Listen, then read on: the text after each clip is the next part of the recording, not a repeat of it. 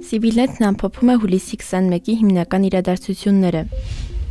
Կորոնավիրուսային հիվանդությամբ պայմանավորված համաճարակային իրավիճակը քննարկելու եւ նոր ուսումնական տարում դասապրոցեսի կազմակերպման հնարավոր տարբերակները որոշելու նպատակով հանդիպել են կրթության, գիտության, մշակույթի եւ սպորտի ու առողջապահության նախարարի պաշտոնակատարները։ Առողջապահության համաշխարհային կազմակերպությունը կոչ է անում զգուշորեն վերաբերել հակահամաճարակային սահմանափակումները թույլատնելու հարցին։ Ուսումնական գործընթացն արկա ձևաչափով կազմակերպելու համար առաջնահերթ անհրաժեշտ է պատվաստումների բավարար մակարդակ, ասել է առողջապահության նախարարի պաշտոնակատար Անահիտ Ավանեսյանը։ Նախարարները համակարծիք են եղել, որ դասապրոցեսն արկա ձևաչափով եւ առանց դասարանների բաժանման կազմակերպելու համար ուսաստատությունների աշխատակիցների շրջանում պատվաստման մակարդակը պետք է լինի առնվազն 60-ից 70%։ 44-օրյա պատերազմի հետևանքով զոհված եւս 153 զինծառայողների ընտանիքներ հատուցում են ստացել։ Այս մասին հայտնում է զինծառայողների ապահովագրության հիմնադրամը։ Այսպիսով հիմնադրամի հիմնական շահառուների թիվը 4177 է, որոնցից 416-ը հիմնադրամի շահառու էին դարձել նախքան 2020-ի պատերազմը, ասված է հաշվետվության մեջ։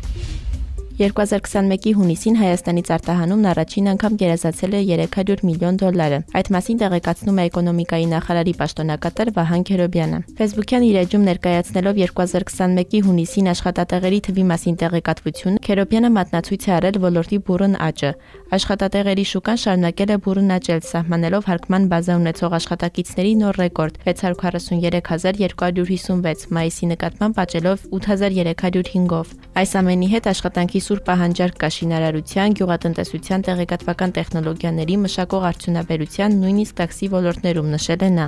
Քերոփյանը նաև կոչ է արել արտերկիր խոպանի գնացած բարեկամներին բերման ենթարկել մեր երկիրն ամրացնելու ու զարգացնելու։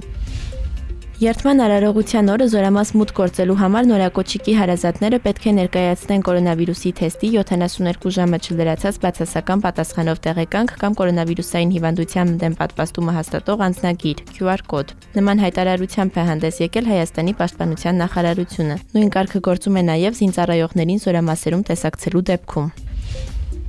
Հայաստան դաշինքի անդամ Իզմիլյան բժշկական կենտրոնի տնօրեն Արմեն Չարչյանը 15 միլիոն դրամ գրավի դիմաց ազատ կարծակվի։ Երևանի ընդհանուր իրավասության դատարանի հուլիսի 21-ի որոշմամբ Չարչյանի նկատմամբ խափանման միջոց կալանավորումը փոխանինվեց գրավով եւ չհեռանալու մասին ստորագրությամբ։ Արմեն Չարչյանը ձերբակալվել էր հունիսի 18-ին, իսկ հունիսի 23-ին դատարանի որոշմամբ 1 ամսով կալանավորվել էր։ Ըստ հատուկ քնչական ծառայության Չարչյանն իր ղեկավարած բժշկական կենտրոնի աշխատակիցներին հարկադրել է պարտադիր կերպով մասնակցել ազգային ժողովի արտահերտ արտահերտ ընտրություններին։